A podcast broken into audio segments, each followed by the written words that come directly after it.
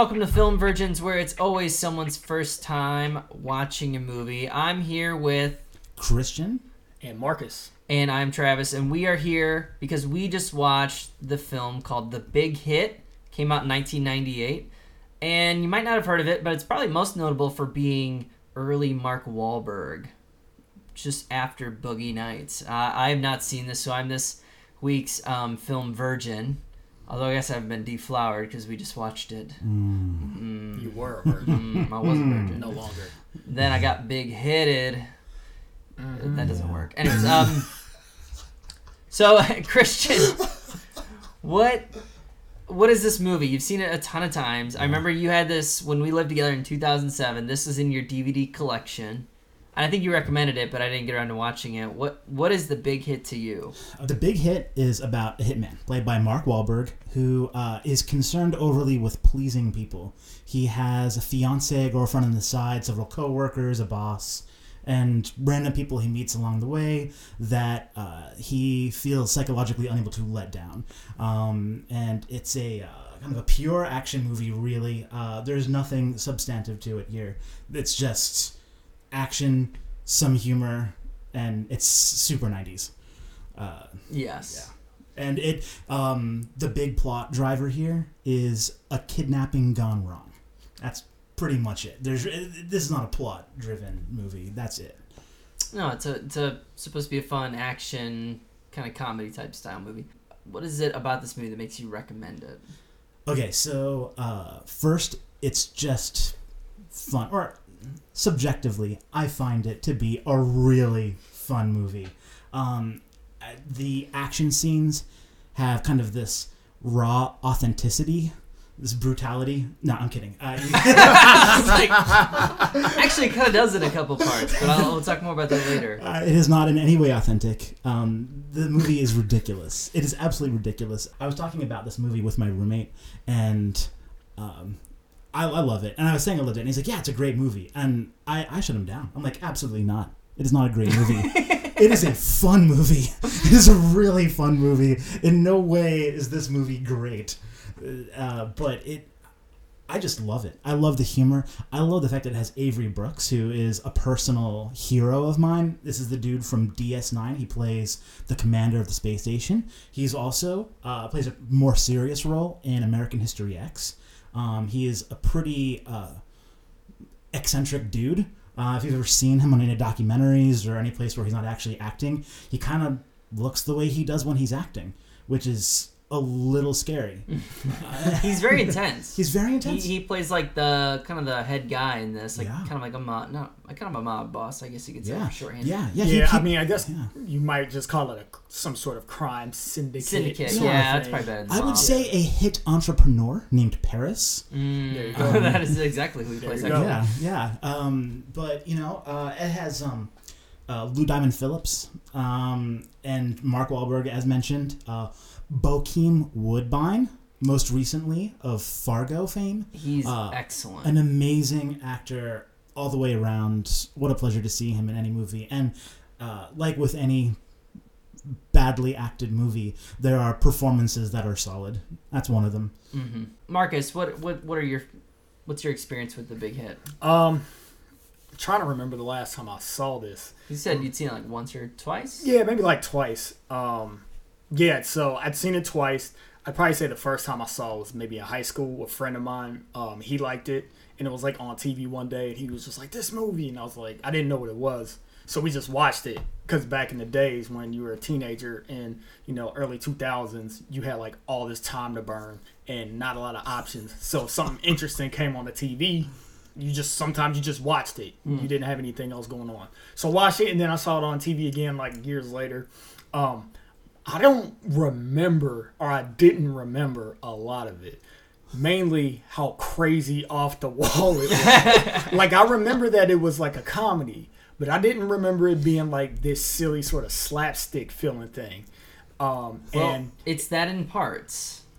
yeah, It's not like that the whole time. well, it's like yes and no. I feel like when it's not, those those are like microscopic interstitial pace spaces in between parts that are largely silly and over the top. Um, so that's pretty much my experience with it. I loved watching it again. It was crazy. It made me laugh. Um, and it's funny because in a lot of ways, it reminded me of when we watched Con Air.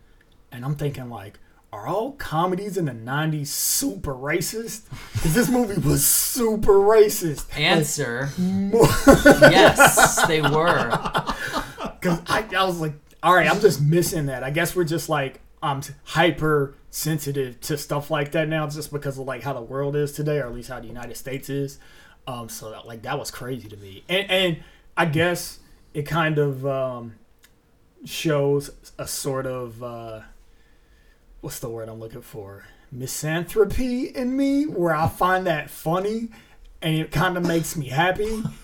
Because everybody else is just so offended at stuff like that now that I see it now and I'm just like ah look what we I'm like an old racist white dude that came up in the 50s like, I remember when we used to say I guess that's what I turned into now. Um but yeah funny like I enjoyed it it's Okay, great it's on a record. Everyone is racist except Elliott Gould. Oh yeah. There it is. that is a good point so the di- the the pseudo alcohol we don't know if he's alcoholic he he when he drinks, he says mean things. This is which- the which- father of um, Christina Applegate's character, who is the fiance to Mark Wahlberg's character. who doesn't know he's a hitman and she wants to marry him, but he's a goyim. And uh, yeah, so you have that, but but he was he was not racist No, at and, all. And I don't think he was as much mean as he was honest when he was drunk. And this is, I think, something that you see in movies is sometimes you have a character that actually is the voice of the writer. And drunk Elliott Gould, in this case, is the voice of the writer. So he actually basically summarizes these characters at the table perfectly Yeah, and just tells truth all the way around. Like in each case, exactly what the audience is thinking, right? So about his over plastic surgeryed wife, about his manipulative daughter, about his uh, potentially soon to be son-in-law who is uh, taken advantage of, uh, and about race relations. Well, and that and that's interesting because I think you hit it right on the point, like right on the head. That's what the scene is supposed to be. When I first saw it, because of all the out of touch, like dated racism and weird comedy, I thought, oh, this is just how they're portraying alcoholism. Like you just have a few drinks and then you become uh, uh, you know, somebody on a tirade. You know, I just thought it was kind of having that tone deafness to it. So I got a couple of production notes here. This was shot for $13 million. I didn't convert these figures, so these are all 1998. Um, and John Woo was a film partner along with Wesley Snipes. what? nice. Yeah. What was the name of the uh, the studio? who did Amin it? Ra, Amen Ra. Yeah. who and- also did Blade, which came out in the same year as the big hit. See, the, and it ended up grossing uh, $27 million domestically, so it may double its uh, budget. Was so, it a big hit? Oh. Cut. uh, it had a 41% on Rotten Tomatoes, at least once again in retrospect. And our director is Kirk Wong, who came from Hong Kong and did Jackie Chan's Crime Story. So he's uh, he's an import, which I was doing a little bit of reading. It was pretty common in the 90s where you wouldn't adapt necessarily the movie that was popular in other countries, but you would hire that director to come over and make an American style film. If you made like a good action movie in in China or Hong Kong, wherever, then you would hire them to come over and make an American awesome action thriller. Hmm. And I'm not sure how well that works. Well, if he was trying to make an action thriller, he failed because this is not a thriller It's not thrilling. at no, all. you- I think he was making an action comedy. yeah, He made it's that. I squarely just an don't- action comedy. Yeah, I just don't think he'd made a good one. Spoilers. Yeah, I'm, I'm, I'm showing my hand. it's all Uh, good, man. what it's, else? It's What- better if it's just conversation. Yeah, just let I it know. flow. Let it just let go. it flow. Oh wait, last thing. Oh, we got a writer, Ben Ramsey. He wrote Dragon Ball Evolution. Oh God, I don't know this movie. I didn't see it, but I didn't have to. I might need to watch it Mm. just based on the pedigree of this writer. I have, I have a list of '90s trappings. This was a very nice. This is such a '90s film. yeah. I'm just gonna run through these, then we can get on to opinions. Unabashed stunt doubles. so in the opening, Mark Wahlberg has got his shirt off and he's doing all this like kung fu stuff. He's hitting boxing bags and stuff, and it's it's pretty great. But then he's on this. Ah, what are those things called? Where you have the two. The gymnastic, the the uh, parallel. No, No. no, no. Bar, I- Uh, the horse, it's something an, horse. It's an Olympic event where It's you. not the pommel horse, is it? No, the pommel horse is the thing that you vault on. No, that's the. I think it is the pommel. Is it the horse. I thought it was a horse of some kind. It's he's on a horse. Let's look it and look it up. We also have a lot of overhead OJ Simpson style shaky cam footage. Every time they like need a, a, a, a- like a wide shot, they go to this helicopter view. That it's not just like a smooth pan. It's literally like news footage. Like it's it looks like they were following this car because it was in a high speed chase. pommel horse. It's called the pommel horse. Every time he's on this pommel horse, it cuts to like oh, we only see his bottom half Or he- he's a like a, s- a really stark silhouette. shadow. Yeah, you can't see his face because they clearly cut to the stunt double. great. Which is funny because that that was interesting to me that they chose to do that take because like Mark Wahlberg is he was obviously in shape. That was really him. Looked like it was him hitting the bag. Looked like it was him like working the kung fu block. Yeah, it looked good. Yeah. It's like why don't you get something else that Mark Wahlberg can do? Oh, he did I already say he's hitting the bag? Yeah. Did I already said that? Okay, yeah. Get some. What else could he do? Dude was a break dancer, I think. So it's like, why would you? That's just a weird workout regimen. he should be doing some floor exercises. Yeah. like, like, yeah. He, Interpretive gymnastics. well, he could be doing push-ups, sit-ups, anything. Yeah. What? That's the weirdest. All right. First of all, I'm about to do my routine on this pommel horse. Then you got to follow that up with the kickboxing routine in the bag, and then you got to finish that all off with the kung fu block stuff, Jackie Chan style. It's like nobody's done that. I know for a fact, and this is scientifically proven. I know for a fact that nobody has that workout regimen anywhere in the world ever. That's the weirdest. I don't know that for real, but I can guess that most people don't do that. It was weird. So yeah. I One didn't of get these it. things is not like the other. Well, he could have done his banister rolls like he was doing later in the movie. That's a great exercise. That's what I was gonna say. Is that he, he does his pommel horse routine because later on he has to do some spinning and shooting, which is also in my list of '90s trappings. Oh, that was breakdancing. Uh, oh, uh, breakdancing. he was straight breakdancing, so he should have been breakdancing instead of being on a pommel horse because nobody does that. There's a lot of. Sl- the opening has a lot of slow mo and motion blur. Um, are we talking about the opening fight scene I'm right talking now? about everything, all the '90s trappings. Ironically, okay, were like okay, in the run through. first. I want to go back to the I listed scenes, like though. 13 in the first actions in the scene. I thought what I knew what this movie is going to be, and then it's nothing like the rest of the film. The opening is completely a whole separate thing from everything else. It does, I, Dude, so I don't remember the. I don't remember the opening, which means I must have missed it anytime I watch it on TV. In my head, the whole time we're watching, I'm like, this makes me so happy because Travis thinks that this is what the movie's like. and it's not. No, so yeah, Mark Wahlberg is on his job and he busts into this hotel and he he's with another group of hitmen, and uh, he's the one like doing all the work because he's the he's the sucker in this group, and so he's just they want to show him that he's a badass. Is the goal of the scene is what I uh, presume, Pretty much. and they do it in just the most over the top way where he is jumping from like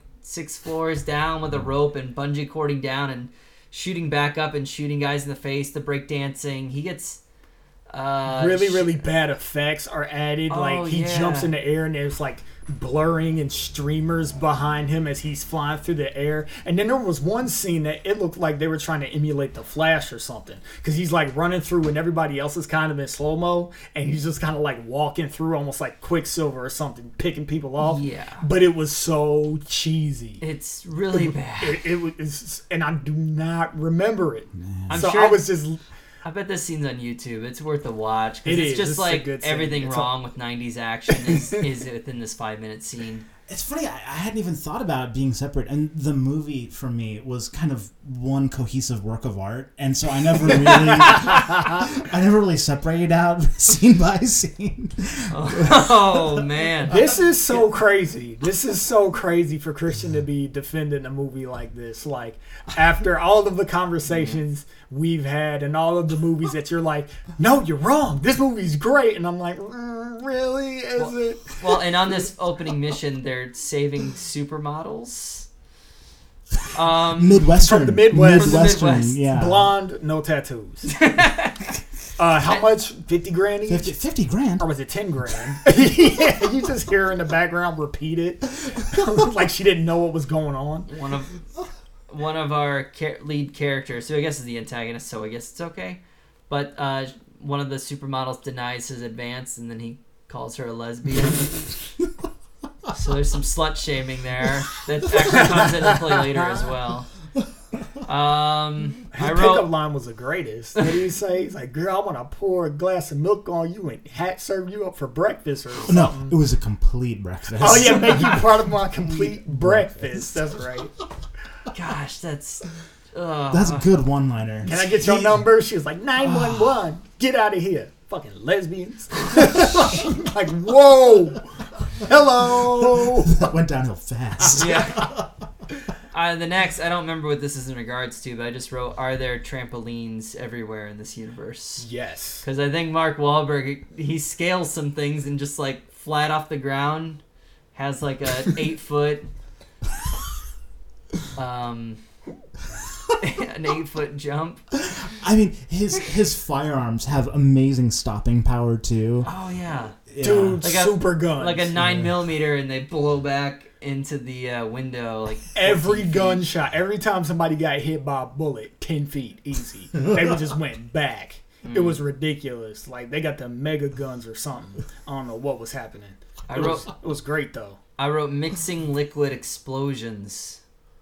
You guys remember any Yeah. other '90s movies with mixing liquid explosions? I 'Cause remember can one think of where it was two. gum. Ah, Mission, Mission Impossible. Impossible. Yeah.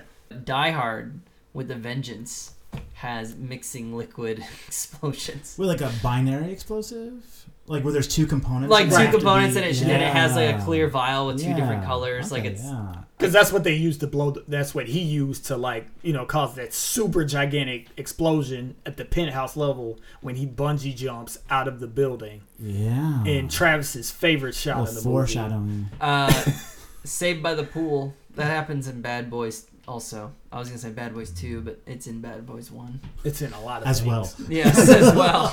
I was expecting this bigger action film in my mind based upon that opening scene. So I kind of think Yeah, it throws you off completely, and it made me happy because I'm just like, he doesn't know. I didn't know. I really like the uh, opening. So Mark Wahlberg is killing everybody and doing everyone's work, and then his fellow hitmen are just hanging in the back and just randomly shooting their guns, like, "Oh, we got him!" That's only two of them. The Oh, other one was actually doing his part of the mission, which was basically taking the power out. Granted, he sucked at it a little bit. he threw off the timing of the whole operation, but he still kind of did his job. He just did it sloppily. I thought that was good. I thought that was a funny, funny little play on like the hitman and like the synchronizer watches, and then like immediately, you know, something obviously goes wrong. Nothing ever works perfectly. So I thought that really worked. But let's get into opinions about this movie. I did not like this movie. Um, my main problem is tone. I can totally see what this movie wants to be. It wants to be a fun action comedy, maybe even like a dark comedy. I mean, there is actually some brutal violence that happens in this film that is played for laughs, but it's also quite violent. I mean, there's a guy like kind of a comedic character who gets stabbed in the chest. There's, you know, some The the rapey kid. Were No, they are they in oh, high school or college? It's not really clear what anyone is in, but it all feels a little untoward. I don't know. They're they're in the '90s. Everyone is 27. Like if they were in high school, they would be played by 27 year olds. Like Right. that always happened back then. Well, there's a scene in the towards the beginning of the movie where um, after they finish their main job, they get paid and everything. Then you get a little bit of a glimpse into the life of Mark Wahlberg, um, friend Hitman, who is to be the antagonist of the movie. Kind of calls him up and goes, "Hey, there's this like, there's this way we can get a bunch of money. We we need to do something with a limo or whatever." Um, was it the wrong limo came and then they just took advantage of the fact that it was a different limo or was a plan to kidnap that girl the whole time i'm like foggy on it because it seemed like it was pretty It's a crucial plot point, Marcus. I I think It's- they just took advantage of the situation. yeah so because the car broke down and then they were said something about waiting for a limo a limo drove by parked said do you guys need any help they blast the limo driver take the limo which was going to uh, pick up the um, one of the, the main love interest in the movie uh, Also, the kidnap E. Yeah, the kidnap E. So they go to pick her up and Lance. and Lance. her rapey boyfriend, which Lance is another thing I wrote. '90s cliches: minimizing rape. Like, holy crap! What? All right, this might be unpopular, but are they minimizing rape? Because justice came swiftly for him. I mean, he gets his comeuppance. I'm saying the movie is like Yeah. doesn't make as quite of a like. If anyone was being that forward, like I don't know. I mean, this guy deserves had It- what's coming. it- the the scene is played lighter than it could. be. That's what I'm saying. That's what I'm saying. that's fair. And- okay. Uh, arguably minimizing attempted rape. It's true. Rape interruptus. But anyway, Yeah. so so the Mark Wahlberg, our hero, um, goes to pick up the girl to kidnap her, but her really, really just grabby boyfriend is like, uh, "I'm coming too." She he advances on her. The advances are unwanted and become vocally unwanted. Mark Wahlberg stop, stops the car, and typically in this sort of scenario in a movie or a show, like the guy just gets the shit kicked out of him, and then you know you end the scene with like a "I don't ever want to see you again," or like if you touch her or get near her again, you know it's curtains for you. What does Mark Wahlberg do? He lowers the petition in the limousine, pulls out a gun quickly, bow, headshot. Dude didn't even know he died. That's how quickly he ended that situation. It's true. It's true.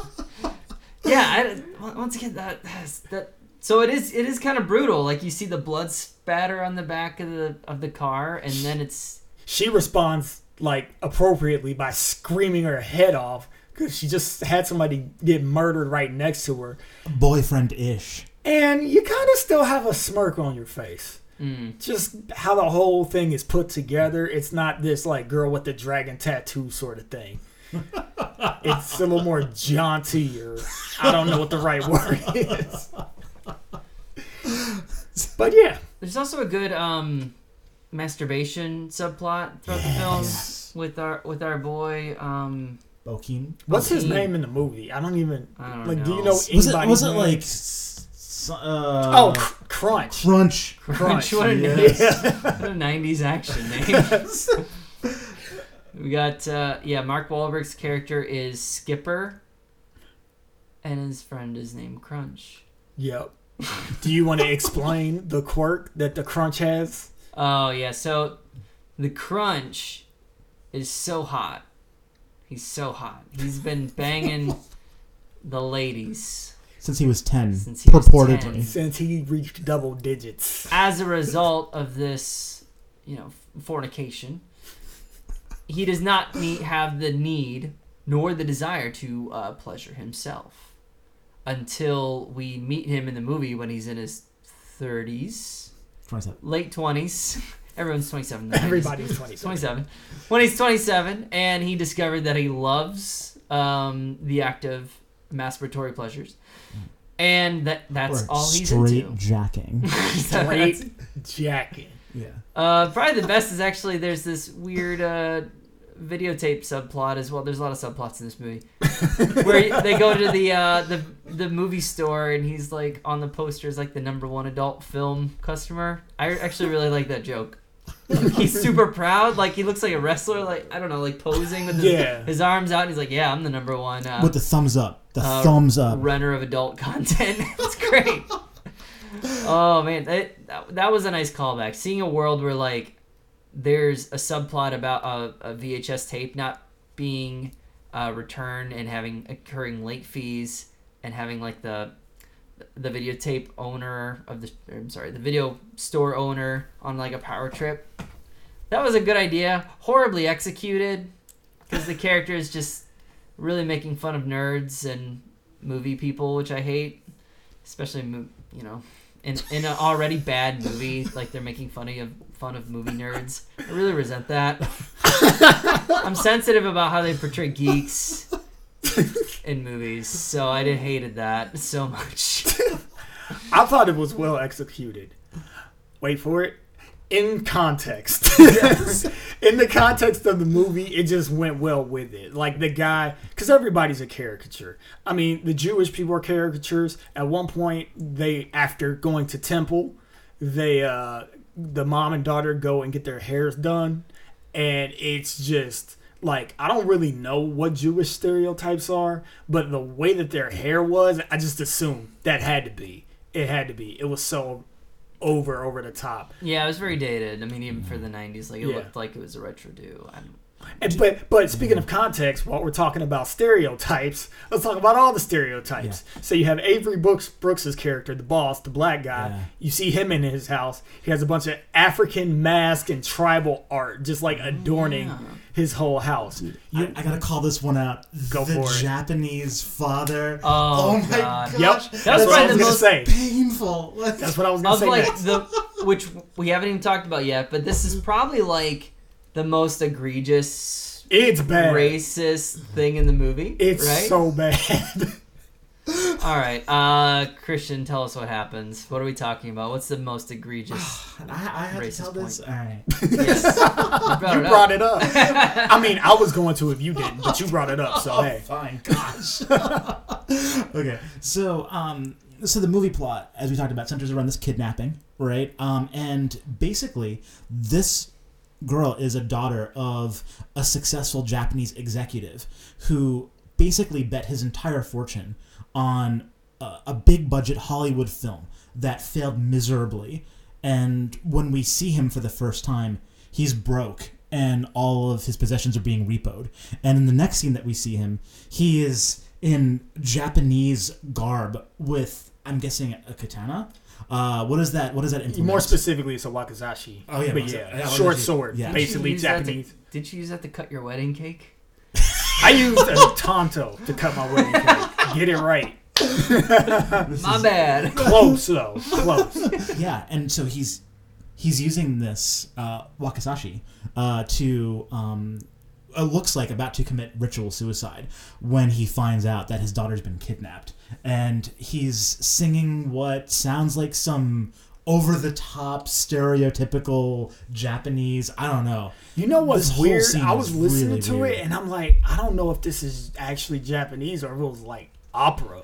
Well, it, it seemed It like was weird. somebody saw some like kabuki theater shit and was Yeah. like, "Let's put this in here." Yeah. Yeah. And Some- it, it yeah. was s- so Some hack so screenwriter. bad, so bad. Just And that garb was like, well, sumo wrestler underwear. Ah, well, well, A robe no, of is some that sort? legit? It's like a No, silk that's I robe. don't know the culture. Well, that's legit. Back in the day, before underwear, that's how they would kind of secure their nethers with like a piece of like I don't know what it's called, but it's like a piece of cloth that basically looks like sumo. But is that how you commit ritual suicide? The whole yeah, yeah. Well, the whole idea is that um, when you would and fact check me all you want on this because I could be full of shit. But as far as I understand, when you would have a ceremony ritual suicide, like you would adorn yourself in all white like that, in like flowing garb, with basically your chest and your belly exposed. Like he was like the thing that bothered me was that, and this is shows me how much of a nerd I am, is that like he was trying to stab himself in the chest, and it's like that's not how seppuku works. Like you gut yourself like you go for the abdomen underneath the belly button. And I was like, mm. what? He just like he wasn't even aiming at anything necessarily vital. He was just like general chest area. so, so it was just like you, if you go that hard, if you're gonna go that hard at your racism and your stereotyping, like make it perfect. Make, get all of the details right, all of them. Make it like like solid. But it was the '90s, man. You could just get away with shit like that. Oh yeah, it's like oh that's what they all do, right? Yeah. It's before Whatever. Google took over the earth. and and the reason it's broken is because it, it just doesn't work because that's not who that guy is. He's not a traditionalist. He's a guy who made like he's a very modern man. He's self-indulgent narcissist who Yeah. blew all of his money and potentially like inherited money on a movie starring himself and like uh, Entitled "Taste the Golden Shower." yeah. Oh, So like clearly this guy Wait, is was yeah. it taste the golden spray? It Oh, gold- no, I think it you're was- right, you're right, you're right. Golden Spray was Yeah. definitely like Taste the one golden step spray. away The from golden, the golden shower is significantly worse. Well, I, I I wonder if they were alluding to that though, because that's the first thing that popped in my I head think when they it's- said it. I think they were saying it without saying it. Maybe. For a movie that doesn't shy away from doing things exactly on the nose, I think somebody was like, mm, "Golden Shower's a little on the nose." yeah. Well, I Golden think Spray. I think they might have been trying to illustrate his inability to swap cultures and swap swap language because they make light of his thick accent in other Right. parts of the movie. So I think that that was a joke, kind of on on this stereotypical Japanese fella. I'm the defender. I'm I'm the champion of this movie, right? Mhm. and I, I've alluded to being an action movie, but that's not really true. It is. Its bones are a comedy. That is what it is. The action is only to drive the comedy, and uh, comedies are difficult to assess later on, right? I watched this movie a long time ago, and I've always had this theory that when I watch this movie, I'm not going to think about it in today's context. I'm going to think about it um, as the person that I was when I saw it for the first time. And this is a movie though that I found extremely funny back then, and and again, I could absolutely be. I'm a, I'm a prisoner of my own mind, but when I watch it today, I laugh. I laughed, and I think it is extremely quotable. I have a friend, Chris. Chris and I quote this movie back and forth with each other all the time. I think, and I wonder, Travis, if you'll say anything different after a few days or a few weeks, if any of the uh, lines will echo around your head. if when I quote them to you, you'll get a chuckle. I'll just get Maybe just random humor text, random text from you when I'm at work. And it's like, oh, I'm, I'm Oh, gonna send a text like "T- the Trace Buster Buster. I'm just gonna love it. I will laugh at that. it. There, We're about to get paid, and I like. I mean, you had Yeah. Lou Diamond Phillips was awesome, and he's just hilarious, at least to my sensibilities. He is the biggest douchebag ever. That's why he's and hilarious. it's it no, it's it's funny because I'm disgusted by his character, but like almost equally just humored by him because it's so I don't even know what it is. I guess part of it rings true.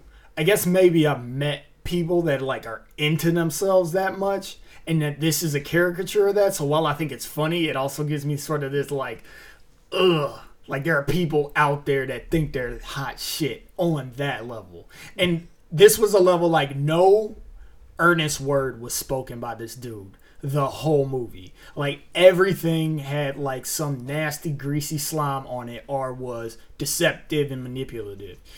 Um so I don't know, but but yeah, he is he is very much a solid personality in the movie that kind of like lives throughout it and he leaves his impression on you pretty hard, which you know, I think there's something to be said for that. Um having a character that's memorable even if you despise them in some way. Well, uh, he had a certain likability to him. At least, like, part of me was like kind of on his side up until he uh, just Mur- gut- guts his friend Murdered with a knife. m- m- motherfucker boy. Yeah. There's a lot of that where he, you know, I just think if they'd, act, I think actually some of the brutal violence, which I love. I mean, I really am a fan of violence when it's done right, and I just think they, I think this movie probably should have been like a little toned down. I just don't think. This the some there's some brutality in it that just undermines some of the comedy, and I know that sounds crazy, okay, so but it's not crazy enough with the violence, and the comedy is too broad. The, the violence feels too real. Is what I'm saying. The viol- the violence either needed to be up to eleven, or needed to be restrained. It's somewhere in the middle of like earnest action film. And it just Dude, don't think it blends the Not when comedy at all. everybody flies like 10 to 25 feet. It's after too being realistic, by a Marcus. You're not pistol. listening. It's too realistic. I'm not talking about that opening scene. I'm not talking about that opening scene. That opening scene is an anomaly in the entire film. Like, there's nothing like that in the rest of the movie. Even at the end, like, there's some crazy action stuff, but not nothing like that opening. At the end, there was an attempt to make a legitimate action scene, which I wonder how much of it was legitimate because John Woo was involved, and that dude can that dude can make an action scene. Like that dude's a master choreographer or whatever. Um, it's like if you look at any of his other stuff that he's done and you compare it to the action scenes in this, it's like they didn't try. It's like they kind of half tried, but they were but they also were cognizant of the fact that this movie isn't that sort of movie. It would be weird to go full John Woo, I guess. I don't know. So to me, it didn't. Hard target, John Woo. Yeah, it didn't seem. You're seen Hard Target? No. Oh, baby. So I guess I I empathize with your feelings that it was uh tonally And, scattered. and- and I'm not saying like I'm offended by this violence or this upset. no, no, I know. I'm I just know. saying like this is these don't blend well. This is taking marinara sauce and putting it on ice cream, and I'm just not feeling it. What? yes, that's my analogy. and I'm sticking to it. I, man, I well, I so so. What did you think? What did you think? And I'm, I'm, I'm genuinely curious. What did you think of the humor? So, what did you think of the reading the ransom note scene, uh, for instance? Yeah, parts of it work. You could probably. I mean, it's very. It's always sunny in Philadelphia in that moment. I actually really enjoyed that com- uh, comedic scene. I wrote down a few of them. Um, I like that scene. I like the masturbation narrative. I like the two guys just like pretending to shoot, like they're getting all the guys, but they're not doing anything. Um, How about the Trace Buster scene? the Tracebuster scene, part of me is, yeah, I guess that was played for laughs. Part of me is like, wait, is this supposed to be serious? I can't tell. Uh, because phone tracing, has, there's a lot of phone tracing in this, and part of it It's a huge part of the plot. but part of it is played for laughs. Part of it's not. So like when the one guy is like, this is a tracer, that busts the tracer, that busts the tracer. That's clearly played for laughs. But then it doesn't work. Until they trace the call. And then they show the screen that says like tracing call. And it counts down from 30 seconds. And then when it traces the call it somehow has access to this guy's face. And it pulls him up in some like crt tv and i'm like this doesn't feel laughable. I mean it is because in 2017 that technology is ludicrous but i think that was actually earnest and it's really stupid so i don't know i i, I couldn't i had a tough time balancing that like I I really think that you're doing a disservice to the movie by saying that those things were earnest. like they, they ha- I, I, couldn't tell. I, if it was all played for la- i mean You there was drank some too much, dude. mo- no obviously i did silly. not There's three devices next to each other: the Trace Buster, the Trace Buster Buster, and the Trace Buster Buster Buster. And you're wondering, is this serious? And Yeah. the dude and the can- main dude explaining it has like severe like not he doesn't stutter, he just loses words. He does what I do, but he does it like mm. way worse the whole time and he's losing the same word.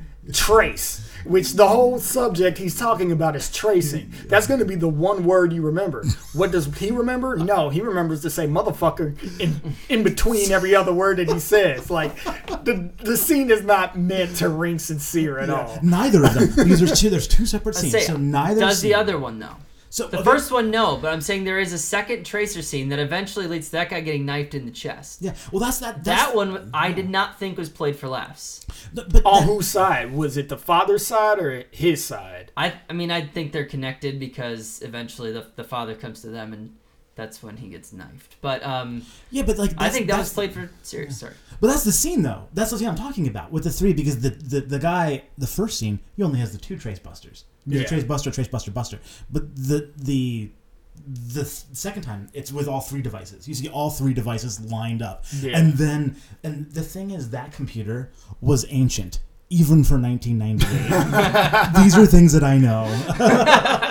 i don't doubt you in that regard Uh, and so this would be uh, like us right now seeing a computer from like I don't know, like 2000. you know what it'd be like? It'd be like us seeing someone on a dumb phone doing something like that, where it's like it's in our recent history, but it's laughable even now, right? And I think I think someone would look at that and say, "What is that computer from 1989?" Right? Because that was indicative of a 1989 computer. This was 1998, so nearly a full decade off from the technology that this was, you know, representing. I think it was played for laughs, and I think that there was supposed to be this element of tension too, right? Um, which may or may not come through. Well, you, regardless of if it came through or not, you need enough ten- tension in a movie that's going to keep your interest. Basically, to keep your interest. So you, even though it was like crazy and off the wall, you still kind of need proper motivations and like characters that you can empathize with, characters that you can like hate and want to see go down. You still need that even in a stupid movie, and it ha- this movie had it. Um, you know, it's not gonna be like Silence of the Lambs or anything like that. Where it's it's that thrilling that you're biting your nails, but it's kind of like okay, here's a scene that you knew was coming. How's this gonna play out? Is the stupid friend gonna make the phone call that gets busted, busted, busted? and is the is the guy who is really secretly the mastermind behind it is he to get away with it is this where he gets caught or isn't it where he gets caught all of those things are in play so you're at least paying attention even if you aren't really that scared about what's going to happen Yeah, and I, I do think, and, and Travis said this, but I, I do think that this is that first time that you see Cisco uh, actually as kind of a monster uh, after this plays out. So it establishes him as the villain. Before this, he's just kind of a skeevy friend. I wrote down a few genres that I felt were in this because I felt like it was all over the place. I get the action. i will not argue that I get the action comedy. Like two genres, you mix them together, you get something special. You get a Hot Fuzz or a, our rush hour or Rush Hour. I, I love Rush Hour, right?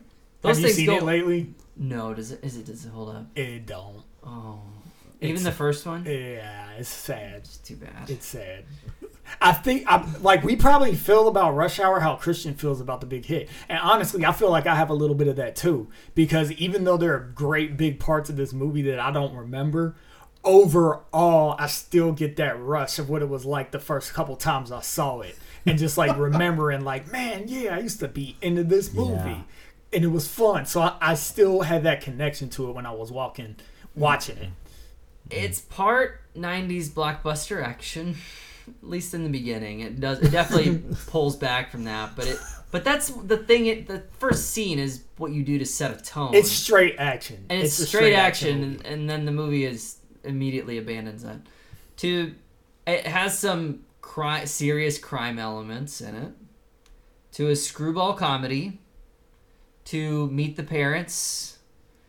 To like and that's and they it. actually cite in the movie um guess who's coming for dinner Oh yeah. So it's it's all these things in a blender. And whether you like the taste of that shake it's up to you. is it a golden shake It's a golden shake.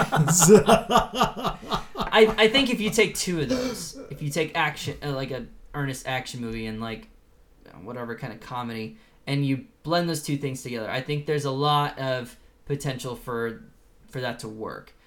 I think if you put too many of these things and these too many of these elements in there and you mix them together, I think you end up with something that's a shotgun effect. And then something happens, and as like a fresh viewer, I don't know how to take it. Like I'm like, wait, is it supposed to be? I can't tell if things are f- supposed to be funny or not. And I know I don't want a laugh track. I'm, I'm of course not saying that. But I, when a guy gets shot in the head, I literally could not. I didn't know what I was supposed to feel. and I feel like when somebody gets shot in the head in a movie, you should know what you're supposed to feel. uh Okay, so no laugh track, but just for the record, if you want to make a movie for Travis, put emojis in the bottom left. That way he knows. well, their version of that, there's no laugh track, there's no emojis. There are bass slides, and I'm gonna put one in here so you know what I'm talking about. And it sounds like. are put that in- scratching Oh god. that. Oh yeah, there's literally a record scratch in this movie. When they're out in the country, there's literally like vulture sounds, like if they were in a fucking desert.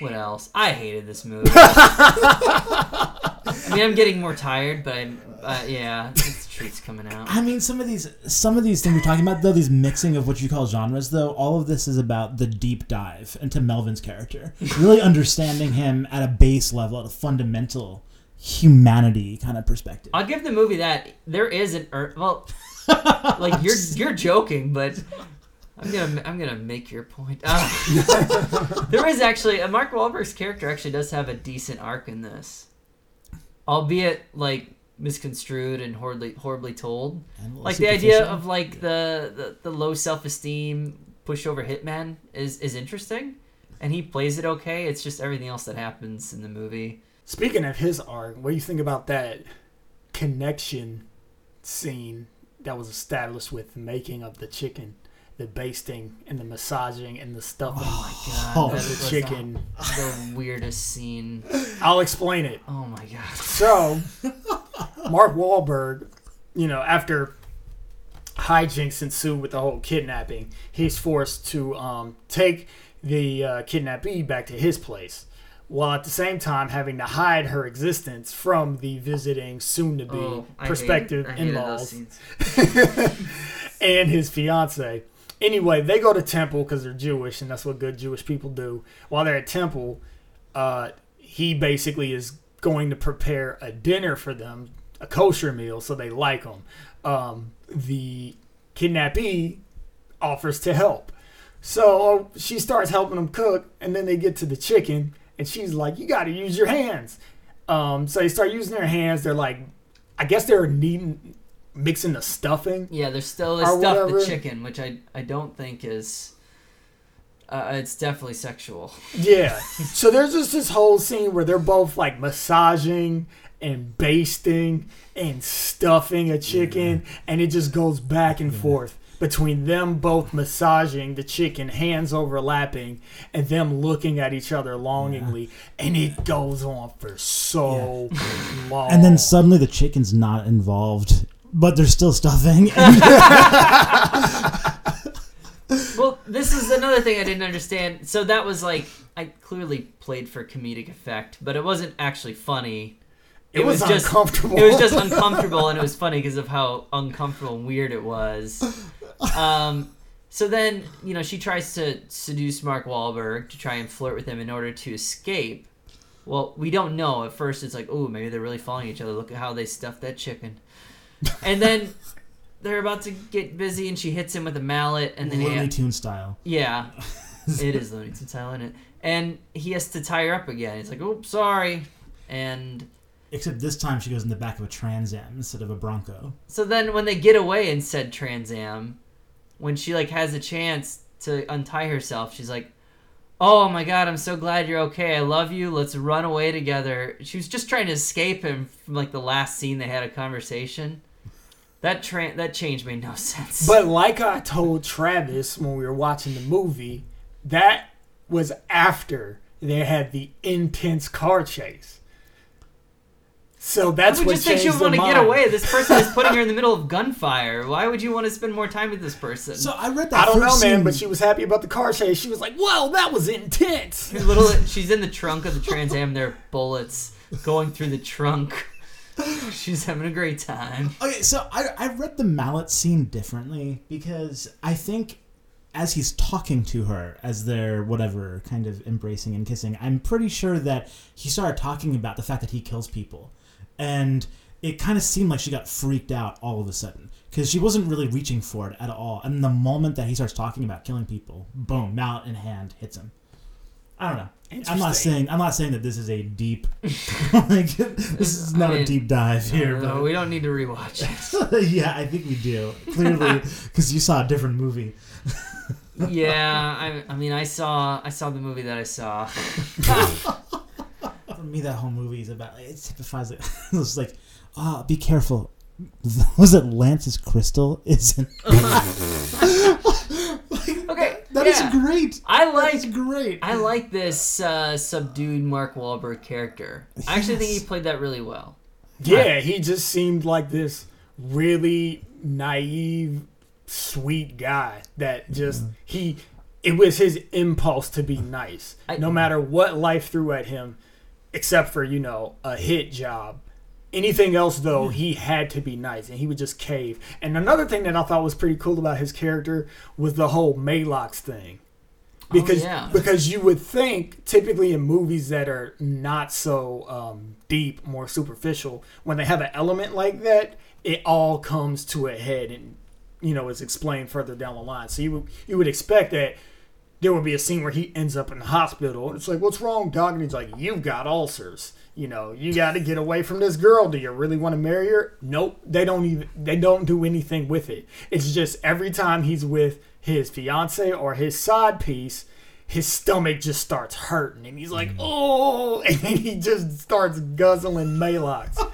I thought that was interesting to just put that in there. Just a little itty bitty detail that's just kind of like that makes his character more interesting. I, th- I think his character really works, and this might be one of my more favorite Mark Wahlberg performances. There's not many that I enjoy. There's a handful. Departed. The Departed, Boogie Nights. I Mm. like the Italian Job, but that's less to do with more to do with that movie, less to do with him. Um, but I liked him in this, and that's saying something. 'cause I just didn't like the movie that was around him, and I think this movie with a couple of rewrites and definitely a def- different director could have really worked. I think there's a lot of potential. There's even good stuff in the script. I just think it's that tone, and that's all in the direction and the music choice and the lighting choices and your actor choices. I think there's a version of this that works a whole lot better. Which actors would you replace? Uh, I think Christina Applegate and her parents are way too broad. I liked Elliott Gould. I have to say, He he probably was the best of that troupe, but they were all kind of over the top. And I know that's that's a choice. If you're going to eleven, like that's an intentional choice. I just didn't like it.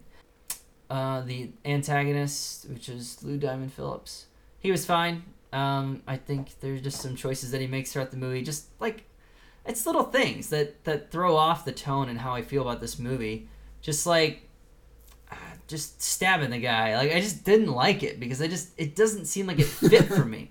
I keep bringing that up. I don't, I don't know, Well, but it stands out because Well, it's, it it's kind of probably st- it probably stands out to you because this guy is obviously just you know in over his head. He wants to be something, but he doesn't understand enough about life or whatever to go for anything else. He's just trying to emulate things that he feels cool. And I feel like, especially in the scene with the the Buster Buster, you really see him trying to channel Lou Diamond Phillips's character as he's trying to psych himself up, like, I can do this. You got this. It's like, oh, he's just a little version of him.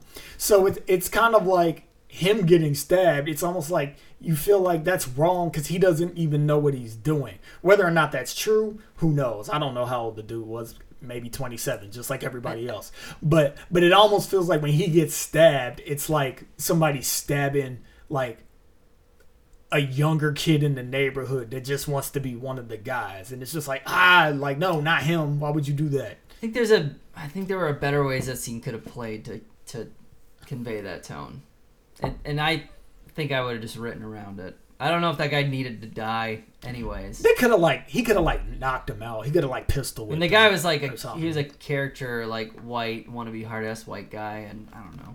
I felt sorry for him. Yeah I, yeah he's he's not threatening in the least. But that's the thing is that's the only way to establish because before that, uh, Cisco, Lou Diamond Phillips character, this dude is just someone who is vaguely he in a few cases swindles actually in one notable case swindles uh, mark Wahlberg's character out of money right? But that's pretty much the worst thing that he's done to this point. So without that scene he's not an antagonist like, I mean, look, he's a contract killer, right? So I guess that's probably a bad thing. But so is our protagonist. So there has to be an event to separate him from Mark Wahlberg to make him significantly worse. So if it isn't this, it's got to be something else of the same magnitude. And I guess it could happen off screen if if you're really skeeved by it. But something like that has to happen, or else he's not an antagonist. I actually think there's a smarter movie here that where he doesn't do those things, but he, he slowly builds to that where killing Mark Wahlberg is the thing that would take him into that territory. And so we actually still kind of like him and root for him, and there's more conflict when they actually meet. Yeah. Instead of just like, I've gone full asshole, I'm gonna kill you because I want money, even though I don't know if I can get it because I don't even know if this girl's alive anymore. Mm. I almost killed her along with you, which would have gotten me brutally murdered as well. Yeah. so I, you know, There's, no, you're right. I mean, there's a smarter movie to made. It's, it's called Taken. but this is not that movie. It's a lot more funny than Taken. Taken was very funny. I'm gonna use some jokes.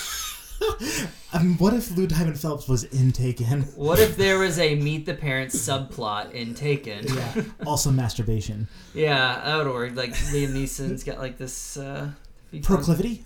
Proclivity. I have a particular Hobby? set of skills. Yeah. takes on a whole new meaning. One of them is beating my Johnson. Straight jacket. Oh my god! All right, let's get into recommendations. All right. I recommend the big hit to. I, I know this is a crazy thing to anyone who loves Avery Brooks, which basically DS9 nerds like myself. I love DS9. I love Avery Brooks. I love American History X. Anyway, if you're really starved for more Avery Brooks, this is a great source of Avery Brooks. He is That's- good in this. He That's is the good. whole platform on which you recommend for a character that had like ten minutes of screen time. That's Well, awesome. you didn't recommend uh, Con Air based on the acting chops of uh, Dave Chappelle. no, no, no. Who is the Star Trek actor in Con Air? Cole Meaney? Cole Oh, Meaney. yeah, yeah, yeah. Okay, because Cole Meaney is a really great actor who's in a ton of things. He's all over the place. Like I, you can't get away from Cole Meaney. He's probably in my garage. I think that. whereas Avery Brooks is elusive. Mm, that's true. Fair. He's he's Underrated. the Waldo of Hollywood, and uh, you know. It's fair. Um. So all right. So that's number one recommendation. Number two recommendation. I'd really recommend the Big Hit for somebody who already loves it. I think if you watch it again, you're gonna like as much as you did the first time. Here, here. yeah. What do you? Th- w- w- w- yeah. Do you think am I an anomaly, or do you think like what I'm bringing up is probably what most people would feel when they watch it? Um, you know, it's a good question. I think that almost everyone I know who shares my viewpoint on this has one thing in common, and it's that they saw it a little bit closer to the inception. Mm. Uh, not the movie, but but when it was The event. birthed. yes. um, Stupid Nolan. Can't say that word anymore now it's without done. thinking about Took the it. movie. It used to make you sound smart, and now you nah, just. this makes you sound like a pop culture reference. Yeah. But no, I, I really think that almost everyone that I talk to that has seen this movie and loves it saw it in the late 90s or the early 2000s. Um, I think, just like Travis said, there's a lot of issues of relevance here. And I guess I don't really know. Maybe the comedy falls flat, but for me, it's a comedy. It's a straight comedy. The action has little to no value. The character development has little to no value. So I guess I guess one final recommendation for me would be to anyone that really loves that 90s sensibility of comedy. So, I cannot recommend this movie to anyone who has not seen it before. I didn't think it was funny enough to justify the albeit short run time. Of 90 minutes, I knew that would. Con Air felt like an epic by comparison. No, not worth it. Um, totally, it's all over the place. It's it's a blender of a bunch of different American genres put together by somebody who doesn't understand them, and I do think there's a lot of shortcomings, especially with the opening scene of just having all the wrong, all the all the right yet all the wrong '90s cliches in one five minute period. Uh, anybody who's sensitive to stereotypes is gonna hate this and resent it which I guess is fine. I also think if you like violence, this movie won't appeal to you. I complained a lot about the violence in this discussion, but it's not that it was too much. It's just it was the wrong type at the wrong time. I don't know. I didn't like it. Uh, nobody should watch it.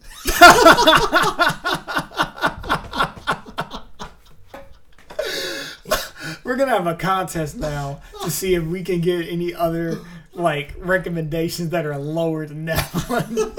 it's funny because I think I'm in between you guys is how I feel about the movie as a whole. Um, like I said before, I didn't remember it much. I didn't remember it being as off the wall and as crazy. Did not remember that action scene in the beginning. But, you know, for all of the movie's quirks and faults, like I think I have this ability to watch it in a way that just makes me like it. I think a lot of that is probably um, painted by nostalgia. Just the feeling that I get of watching it and rem- remembering having seen it and remembering it being an engaging movie for me. Remembering that, you know, Bar- Mark Wahlberg's character was kind of like this lovable guy that was into some shit, and just remembering Christina Applegate and how her character was, and um, remembering how hot she was. I forgot she was that hot. Um, yeah, like so it's like I like it. I still like it. I don't think I liked it as much as you, Christian, but I definitely don't agree with Travis's opinion. However, oddly enough, I'll have to agree with Travis's recommendation. I don't really feel like I want to recommend this movie to anybody because even though I like it and enjoy it, it's not one that I'll ever be like, man, I gotta watch the Big Hit again. It's kind of like the Big Hit. That's a movie. You want to talk about it? Sure, let's do it. But if you don't, that's cool. I like having it in my data bank. I like remembering it. And the people that are in my life that already know it, that can quote it, like I'm glad that I kind of watched the whole thing again. So now it's all more fresh in my mind. And now, when those moments come to be a part of an inside joke, I'm not, you know, scrambling my mind for vague remembrances of what the movie was like. I actually have it at hand now. So I don't know. I'll keep this one for me. I like it. Dude, I'm gonna send you guys quotes of this movie one a day Do until we do the next Film Virgins. it's gonna be so rewarding for you guys, and then when we have our next time, we'll, you'll talk about how you've changed your minds. Everybody. Well, that sounds good. I can't wait for all those wonderful text messages throughout my day. Yes. And I will not remember Yes. what they're from. I'm just like, what is Christian? Is Christian having a seizure? Yeah, Christian's We only tone got is to remember off. one straight jacket. Street jacket. and on that note, uh, this has been Film Virgins. Thanks for listening. Go ahead and subscribe to our podcast. Uh, like our previous episodes, where maybe we'll have social media one day. Who knows? Um, but uh, yeah, I I have been Travis. I'm Christian. I've been Marcus. Come back next time for more Film Virgins. Thanks for listening. Subscribe and look for our next episode next week. Yeah.